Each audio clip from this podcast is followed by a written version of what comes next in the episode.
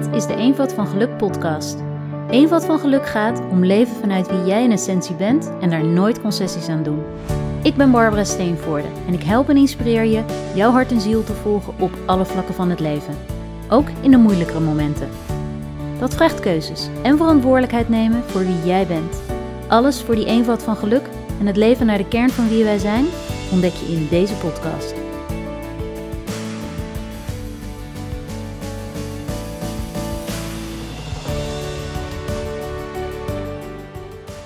Van harte welkom en leuk dat je weer luistert.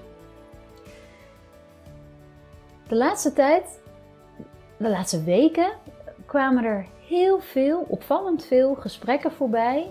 Uh, informatie ook wel voorbij. Posts op Instagram en zo. Die heel vaak in één keer gingen over persoonlijkheidstesten. Zoals DISC of Insights, Management Drives, Real Drives, Enneagrammen. Nou, uh, en zo meer. Er zijn natuurlijk ongelooflijk veel testen die uh, mensen uh, doen. drijfveren testen, persoonlijkheidstesten. Nou, het komt eigenlijk allemaal op hetzelfde neer. Eigenlijk meten ze ook vaak doorgaans wel vergelijkbare dingen. En um, ik merk ook altijd wel dat nou, bijna iedereen die bij mij komt wel eens een keer zo'n soort test gedaan heeft. En ik ken ook best wel wat mensen die daar zelf mee werken. Misschien ben jij zelf uh, coach of, of facilitator en gebruik je zelf die testen, dan raad ik je helemaal aan om deze podcast helemaal uit te luisteren. Want in deze aflevering wil ik eigenlijk de grote keerzijde en mijn grote bezwaar tegen dit soort testen met je delen. Ik ga ook meteen zeggen dat het zeker ook zo zijn nut heeft, deze testen. Maar alles wat ik heb geleerd, gezien in het gebruik van persoonlijkheidstesten, zie ik ook dat er een enorm grote misvatting is en iets waarin we de mensen die we begeleiden totaal niet helpen met deze testen en het gebruik ervan. Ja, waar begin ik? De meeste begeleiders weten dit niet. De meeste facilitators, coaches, trainers die gebruik maken van testen, van die kleurentesten of van, van Disc Insights en hier gaan weet ik het, zijn zeer bevlogen daarover. Vinden het enorm verhelderend, zien wat dat doet in een groep en zeggen: Wauw, dit is superleuk. Hier heb ik zoveel aan. Hier kan ik zoveel mee. Er zijn zoveel interventies mee te doen, waardoor mensen wat meer begrip voor elkaar krijgen of meer ruimte ontstaat. En uh, zijn dan zo enthousiast over die testen dat ze helaas niet verder kijken uh, dan dat. Raak niet meteen afgehaakt, blijf hangen. Ik ga helemaal vertellen wat je hiermee kan. Want ik ben ook gecertificeerd in Real Drives en in Management Drives en in een aantal andere testen. Uh, ik heb heel veel uh, teamsessies begeleid al met Real Drives en Management Drives. En dat doe ik nog. Alleen, ik doe dat net even anders dan iemand anders dat doet. En om dat goed te kunnen uitleggen, neem ik je weer eventjes mee in het levenspad. En in het verhaal, wat als je mijn podcast echt vanaf de allereerste aflevering hebt gevolgd, dan zit de belangrijkste uitleg daarin in de eerste uh, drie afleveringen, waarin ik vertel over het levenspad. Dat ga ik nu even heel kort doen. Wil je de uitgebreide versie weer, en, of heb je die nog nooit geluisterd, dan nodig ik je zeker uit om die nog even terug te luisteren. Maar in het kort, waar gaat het over dat als wij als kind aan dit levenspad beginnen, zijn wij uh, heel oorspronkelijk. Er is een ziel die in dit leven stapt en die vol bevlogenheid en bakken vol levensenergie aan dat levenspad begint. En alles is er al. Alle talenten, alle eigenschappen, alle talenten, alles wat dit kind nodig heeft om in dit leven um, zichzelf en, en, en alles wat hij wil te manifesteren, is er al. Uh, tegelijk is er aan het begin van dit levenspad, is een kind natuurlijk ook enorm kwetsbaar en daarmee enorm afhankelijk van ouders en opvoeders om precies dat te krijgen wat een kind nodig heeft. En helaas is het zo dat bij ons allemaal, of helaas is eigenlijk ook gewoon iets waar we dankbaar voor mogen zijn, dat hoort nou eenmaal bij het levenspad, door die kwetsbaarheid en doordat we zo afhankelijk zijn van de ander, van onze ouders, is het zo dat we eigenlijk in die eerste levensjaren al heel snel bepaalde ervaringen opdoen, waardoor we een zekere schrik opdoen. Bijvoorbeeld als wij ehm, eh, streng worden toegesproken of als we in al onze spontaniteit met onze vingers richting een stopcontact gaan, dat we op onze vingers getikt worden. Of dat we ehm, een moment van schaamte of een moment van eenzaamheid of, of een moment dat we ons verdriet niet kwijt konden en, en uh, of, eh, wat het ook is, er zijn allemaal ervaringen die we als kind hebben opgedaan waarin wij in ons kind zijn en in ons openheid en, en eigenheid uh, gewoon deden wat we doen als kind. En daarin eigenlijk op, vanuit de omgeving het signaal kregen: dat mag niet, dat is verkeerd, dat is gevaarlijk of zo word je niet uh, geaccepteerd. Dus, en in dat contact met die omgeving leren wij uh, via die schrik: oh jee, dit is niet oké. En die schrik is zo ja, beangstigend voor een kind. Want een kind wil maar één ding en dat is veilig zijn en bij de ouders mogen horen. Dat een kind onmiddellijk zich aanpast. Dus daar waar het voelt van de ouders uh, dat het netjes moet zijn, dat het zich rustig moet houden, dat het niet te veel mag huilen. Dat, nou, welk signaal een kind of heeft gekregen, uh, we allemaal doen als kind bepaalde ervaringen op, waardoor we op een gegeven moment besluiten: wow, deze schrik nooit meer. En we passen ons aan met bepaalde beschermende patronen. Dus we kiezen ervoor om ons voortaan een beetje rustig te houden. Of we kiezen ervoor om heel lief te zijn voor papa en mama. Of we kiezen ervoor om heel erg ons best te doen. Nou, zo kiezen we allemaal als kind bepaalde, bepaald gedrag. Waardoor wij merken, oh ja, dat is waarmee we uh, vervolgens geaccepteerd worden. Of waarmee onze ouders ons um, complimenteren. En, en via die complimenten en via die bevestiging via de ouders, via die omgeving die uh, ons dan wel goedkeurt, leren we, ah, dit is het helpende gedrag, dit wordt er van mij verwacht. En dat beschermende gedrag, die, dat wordt gaandeweg het leven, worden dat ingesleten patronen. Dus er was een oorspronkelijke eigenheid met bakken levensenergie en alle talenten waren er al. Toen werd er een schrik op gedaan en als reactie op die schrik eh, ja, pasten we ons aan in ons gedrag. En dat gedrag hebben we zo vaak toegepast dat het ingesleten patronen zijn geworden. En die ingesleten patronen die noemen wij ook wel de persoonlijkheid. Of de karakterstructuur. Of het ego. Of de psyche. Het zijn allemaal, of de afweer. Het zijn allemaal termen voor hetzelfde begrip, namelijk het gedrag wat we ons eigen hebben gemaakt om bepaalde schrik nooit meer te hoeven ervaren. En die persoonlijkheid die uit zich bij de een in, ach dat is het moederkloekje van het gezin, die zorgt altijd zo lief voor ons allemaal. En, en dat is de collega die vandaag de dag uh, degene is die de slingers boven je bureau hangt als je jarig bent.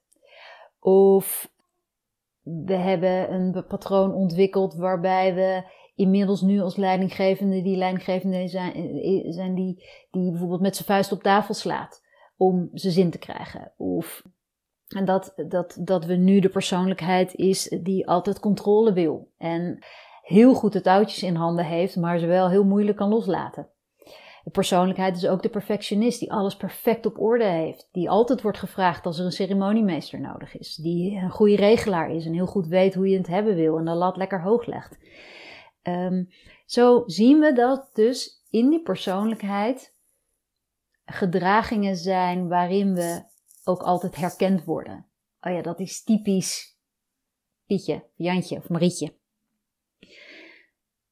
En die persoonlijkheid, die wordt vervolgens, als we dan in onze carrière bezig zijn met een, een, een, een of ander bedrijf, en dat bedrijf gaat vervolgens een teamsessie doen, dan doen we vaak zo'n DISC of Insights of Real Drive test. En wat meten we dan? Dan meten we eigenlijk het typische gedrag wat bij iedere persoon hoort. Nou, dan heb je, oh, dat is een typisch groen persoon, een typisch rood persoon, een typisch geel persoon. Nou, dat, dat kennen we allemaal dan, hè, dat, dat, die taalgebruik.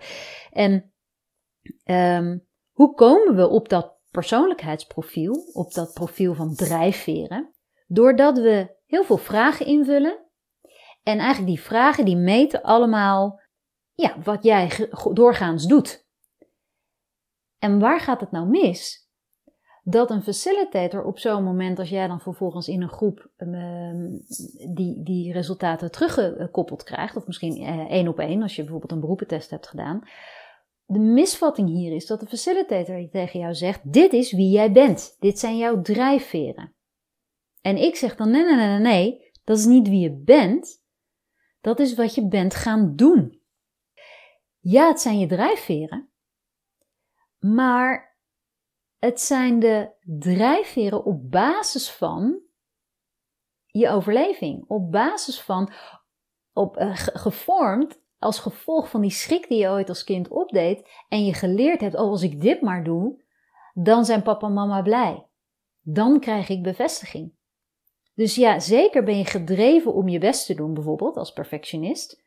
Maar als oorspronkelijk kind ben je helemaal niet gedreven om je best te doen. Ben je gewoon gedreven om jouw inspiratie en je ziel en je levenslust te volgen. En gewoon helemaal te doen waar jij voor op aarde bent en waar je zin in hebt en waar je enthousiast en bevlogen van raakt. Dat is jouw oorspronkelijkheid. Diegene die altijd zijn best doet, altijd voor iedereen klaar staat of altijd controle wil, dat is wat je gaandeweg geleerd hebt en wat je telkens opnieuw hebt gekozen als beschermend gedrag. Dus ja, zeker zijn dat je drijfveren. Maar wat ik het uh, verdrietige vind, is dat we dan tegen al die mensen zeggen: Dit is wie jij bent. En eh, cliënten vragen mij ook vaak, die, die ik heel vaak als ik iemand, zeker als bijvoorbeeld iemand in zijn loopbaan uh, begeleid, ik doe heel veel loopbaanbegeleiding, dan vragen ze ook wel of ik die profielen wil lezen. Dan zeggen ze, ja, ik heb al wel voorwerk gedaan. Ik heb uh, twee jaar geleden bij mijn werk hadden we zo'n sessie. Toen kwam daar een, zo'n heel profiel uit. En ik heb vorig jaar nog iets gedaan. Wil je dat lezen? en dan zeg ik, nou nee, dankjewel. Want ik heb al wel beeld op basis van het eerste gesprek kan ik al heel veel eruit halen. En dan zie ik inderdaad, dan, dan is heel helder al, dan heb ik geen profiel voor nodig, wat over het algemeen de drijfveren zijn, wat de persoonlijkheid is. Maar de reden waarom ik eigenlijk die profielsbeschrijvingen niet gebruik, is omdat ik er ook in mijn begeleiding met jou nagenoeg niks mee doe. En dat is eigenlijk ontstaan ook weer Doordat ik in de eerste twee jaar dat wel deed. Ik uh, gebruikte zelf dat soort testen. Ik, eh, als iemand zo'n profiel had, dan, las ik het ook wel eens. Uh, ook al een beetje als input voor het gesprek. En de eerste twee jaar dat ik dit werk deed, dat was, uh, toen, toen werkte ik zelfs nog in, in het bedrijfsleven. Was ondertussen wel voor mezelf begonnen en was als loopbaanadviseur coach aan de slag gegaan. En toen was eigenlijk merendeel van alle trajecten gingen over loopbaankeuzes. En wat ik dan deed is inderdaad ook uh, soms een test afnemen. Of eigenlijk in grote lijnen met een cliënt doorheen lopen van goh, welke, uh, wat, waar was je op de middelbare school altijd goed in? Uh, wat waren je hobby's? Waar kreeg jij altijd complimenten van? Van je ouders of van, van school of van je vorige leidinggevende? Um, uh, wat vond je altijd heel erg leuk om te doen? En wat ik merkte, dus ik, ik vroeg heel veel naar, ja, wat deed je altijd en waar was je goed in? En aan het eind van zo'n traject, dan was iemand vervolgens vertrokken, die had meer helderheid gekregen over zijn volgende uh, uh, carrière stap. En waar de cliënt vaak heel tevreden vertrok, had ik telkens zo'n onderbuikgevoel van ja, ik weet het niet. Zijn we nou wel echt tot de kern gekomen? Is er nou echt iets opgelost? En wat ik bijvoorbeeld zag is dat een boekhouder wel accountant werd en bijvoorbeeld een hovenier uh, voor zichzelf begon of de secretaresse uh, nou, office manager werd. Maar ik had zo'n ik merkte gewoon dat er niet iets wezenlijks was gebeurd. En toen ben ik dus verder gaan kijken van wat is het nou waarom ik toch voel, dit is het nog niet helemaal. En toen ben ik dus ook veel meer bezig gegaan met dat wat onze interesses zijn en waar, waar wij eh, in, in gedrag voor kiezen. En toen zag ik ook wel dat ja, heel veel van die teamsessies en die kleurensessies wel heel nuttig waren. Het, het, het, het, het, het maakt wel vaak helder waar we van elkaar verschillen en waar we wat begrip voor elkaar kunnen opbrengen. Iemand die heel erg met, ro met uh, rood heeft, dus uh, iemand die met zijn vuist op tafel slaat om, om uh, tot anderen door te dringen, ja, die, die, die botst wat met, met, met iemand die dat juist helemaal niet doet en heel erg voor de groep is.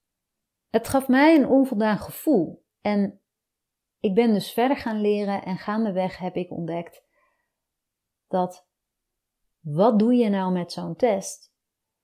Je meet de persoonlijkheid. Je meet dus dat wat je als kind bent gaan doen om jezelf te beschermen. Maar dat is dus niet wie je werkelijk bent. Dus, en dat is eigenlijk ook wat we tegen kinderen vaak zeggen: hè? je bent niet stout, je doet stout. Oké, je bent geen perfectionist, je doet perfectionistisch. Je bent geen controlfreak, je hebt nu nog, kies je steeds voor controle. Maar wie je werkelijk bent, is vertrouwen, is enthousiasme, is inspiratie en de ander vrijlaten. En dat is dus ook wat ik de grote misvatting vind bij het gebruik van dit soort testen. Dat facilitators en trainers echt denken dat ze de ander helpen door te zeggen: dit is wie je bent. En dat ze daarmee ook zeggen: dit moet je dus ook, ook, ook, stimuleren en aanwakkeren en, en, en gebruiken in, in dit is jouw talent. Dan zeg ik, nee, nee, nee, nee, talent zit daar nog achter. Wat je nu doet, die projectmanager die altijd zo goed is met deadlines en binnen de budgetten blijven, dat is ook degene die straks een burn-out heeft. Die, diegene die, die dominante leidinggevende die met zijn vuist op tafel slaat en eigenlijk het heel moeilijk vindt om de controle los te laten, die wordt er straks uitgekinkeld omdat zijn hele team zich tegen hem keert. Dus ja, het is waar iemand heel goed in is, maar het is zijn grootste valkuil. Het is vaak datgene waar, anderen, eh, waar, waar ze ook op afbranden. En waar ze zichzelf juist enorm tegenkomen. En ik heb heel in het begin van mijn carrière ook zo'n test gedaan. Zo'n, uh, volgens mij was het toen, nou ik heb volgens mij zowel de DISC, de Insights als, ik heb volgens mij alle tests al wel eens een keer gedaan. Uh, maar ik weet het verschil uh, tussen toen en veel later in mijn leven, doordat ik de Real Drives test destijds deed toen ik denk ik een jaar of nou, 28, 30 was. En toen kwam daar een groen-rood profiel uit. Nou, groen is iemand die heel erg uh, zich verdiept in, in de ander en, en, en uh, het een soort van het sociale, van de groep. Uh, en rood is heel erg vuist op tafel. En ook overigens nog een vrij on, ongebruikelijke combinatie in, in Real Drives land. Um, maar ik herkende me toen daar enorm in. Ik herkende heel erg dat ik het belangrijk vond dat, dat iedereen individueel aan bod komt. Uh, maar ook herkende ik heel erg mijn ongeduld en dat ik gewoon soms, ja, wel een beetje doordramde. En toen, jaren later, na heel veel zelfwerk, waarin ik dus heel erg bewust ben geworden van mijn beschermende gedrag, van ingesleten patronen. En um, toen ik heel veel van die ik noem het in die eerste aflevering van de podcast ook wel die jas, de beschermjas. Hè? De persoonlijkheid is een beschermjas die we aantrekken als we uh, heel jong zijn. Ja, na heel veel zelfwerk ga je steeds meer die jas uitdoen. Laagje voor laagje ga je hem afpellen. kleurtje voor kleurtje eigenlijk.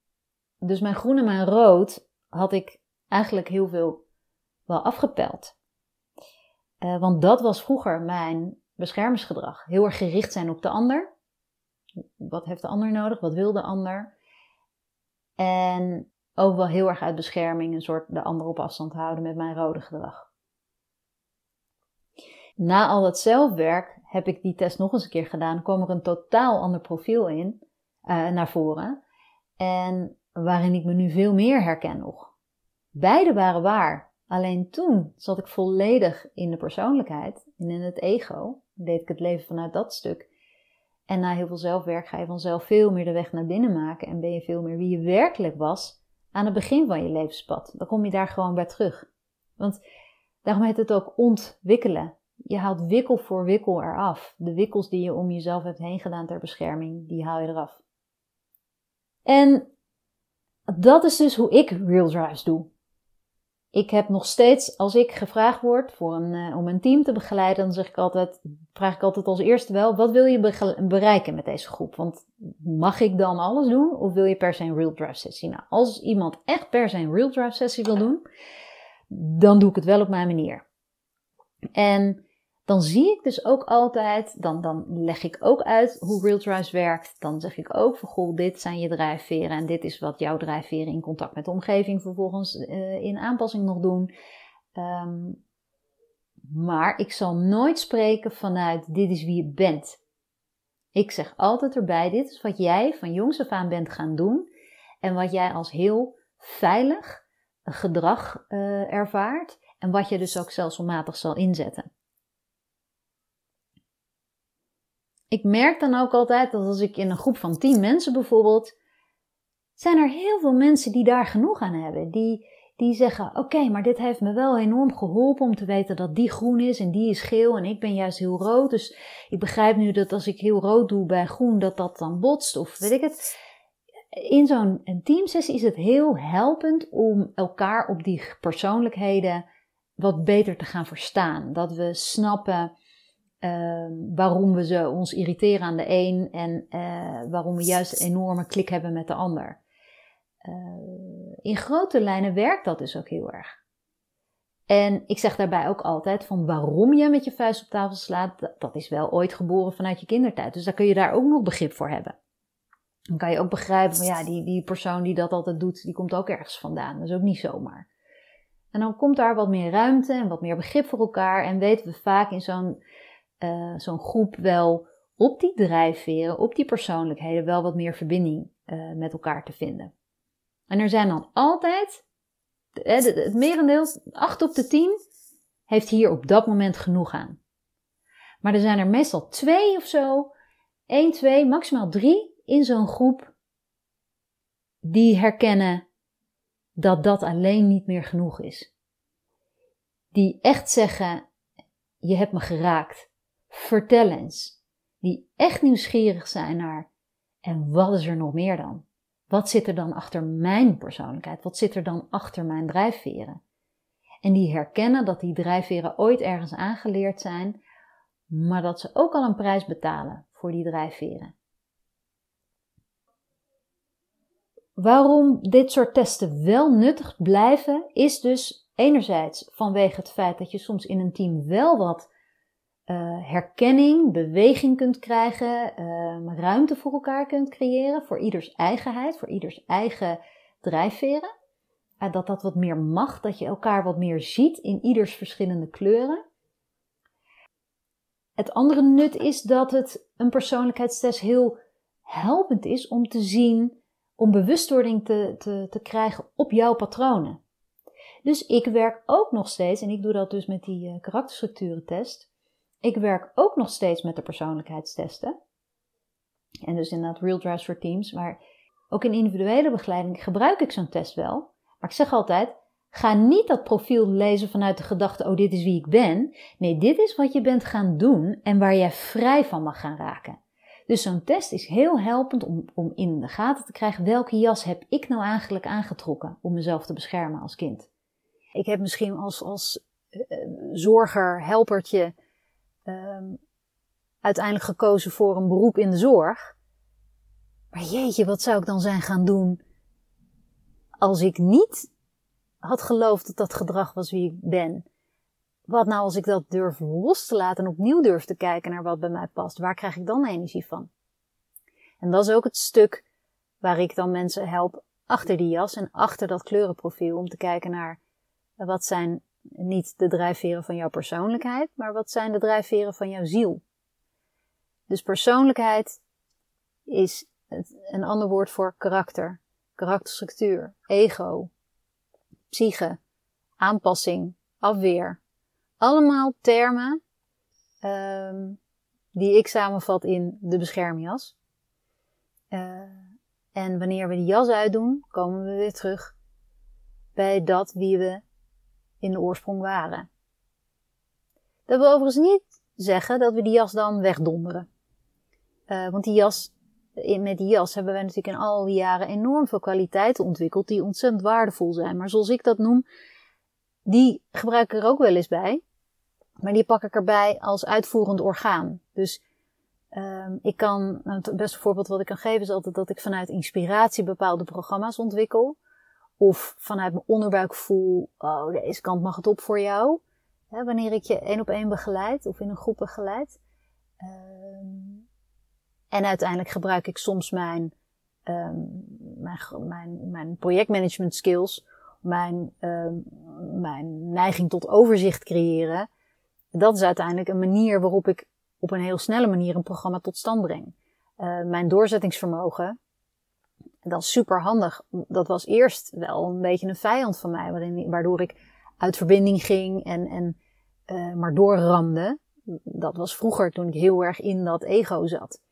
Nu kan ik gewoon zien, ja, het is wel een kwaliteit. Dus dat is een kwaliteit van mijn beschermjas ooit geweest, die ik nog steeds wel kan toepassen. Want het is wel prettig dat ik overzicht creëer en kan volhouden.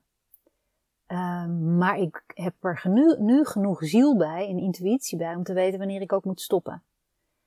Um, en dan ga je als het ware die jas wel gebruiken, maar dan ben je niet meer die jas. Dan leef je vanuit je ziel en vanuit je bevlogenheid en inspiratie. En, uh,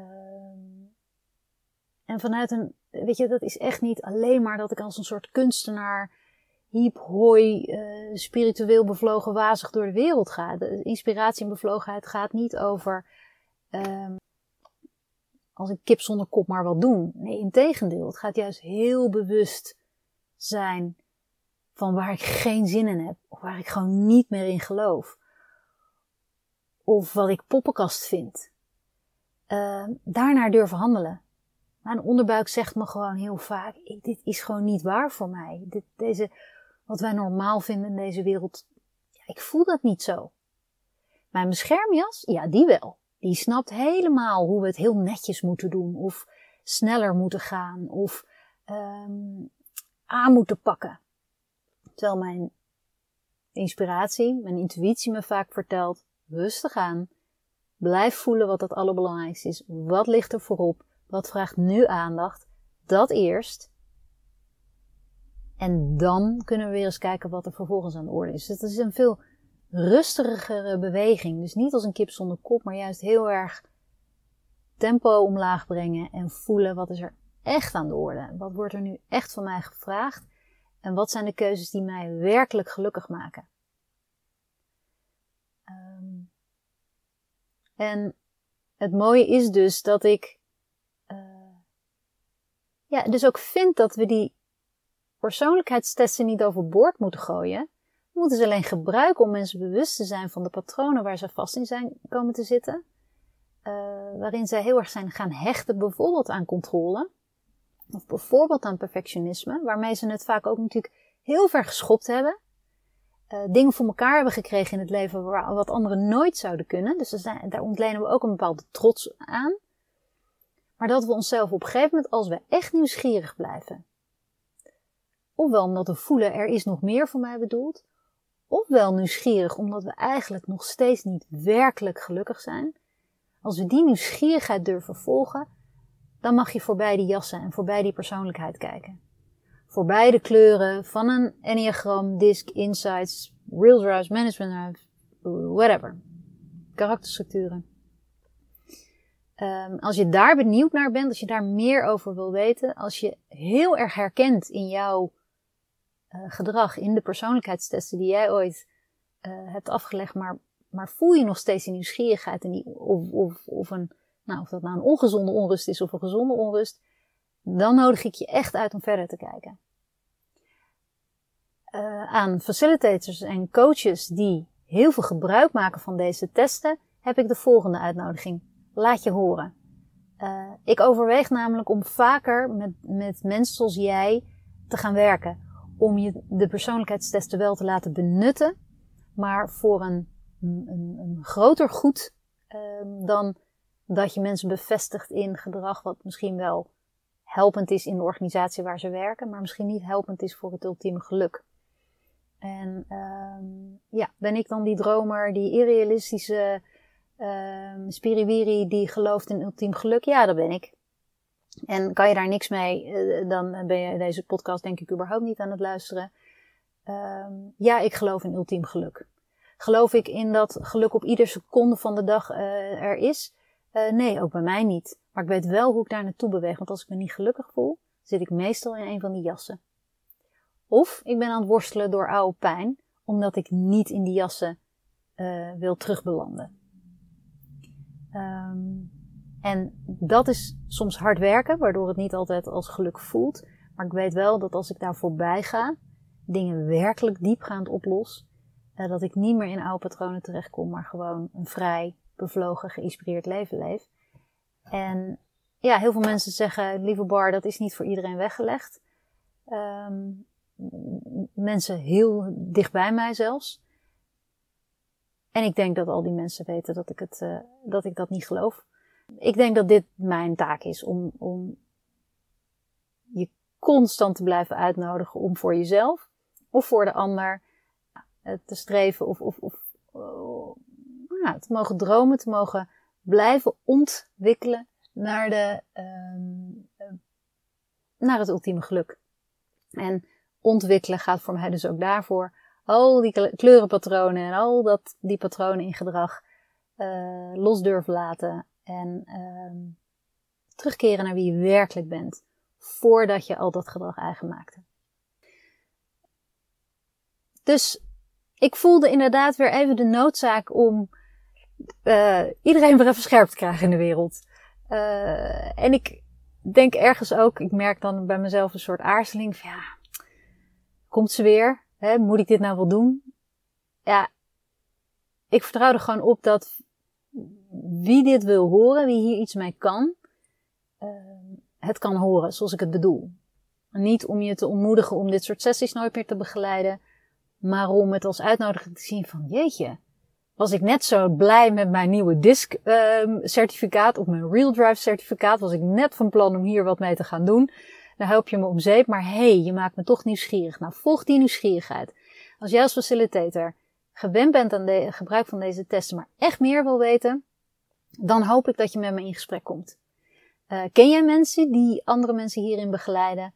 Uh, tip hen dan voor deze podcast, uh, waardoor ze eigenlijk net als ik destijds, ooit toen ik begon met al die testen, toen ik ook heel erg geloofde, oh, dit is leuk om hiermee te werken.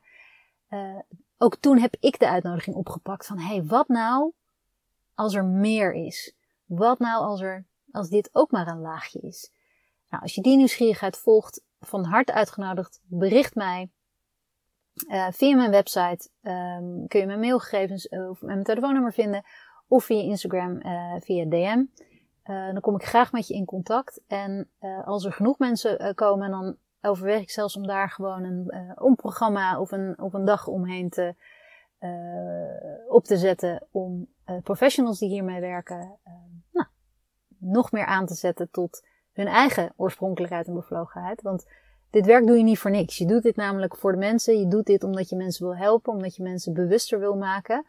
Uh, maar er is nog een dieper laagje waarin je bewust kan maken. En dat is alleen maar ongelooflijk leuk om te gaan doen.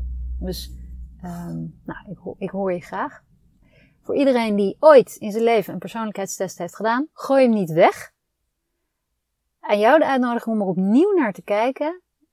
En desnoods met mij in gesprek, of eventueel als je dat leuk vindt, met mij in gesprek te gaan over, hé, wat bedoel je nou?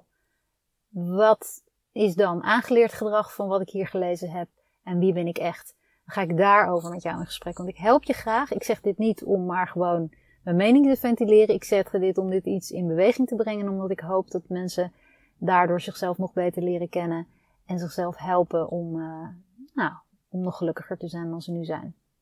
Dus, een en al uitnodiging. Uh, deel met mij, uh, ook als je het niet eens bent met wat ik hier uh, allemaal vertel. En ja, je hoort me bij de volgende. Dag.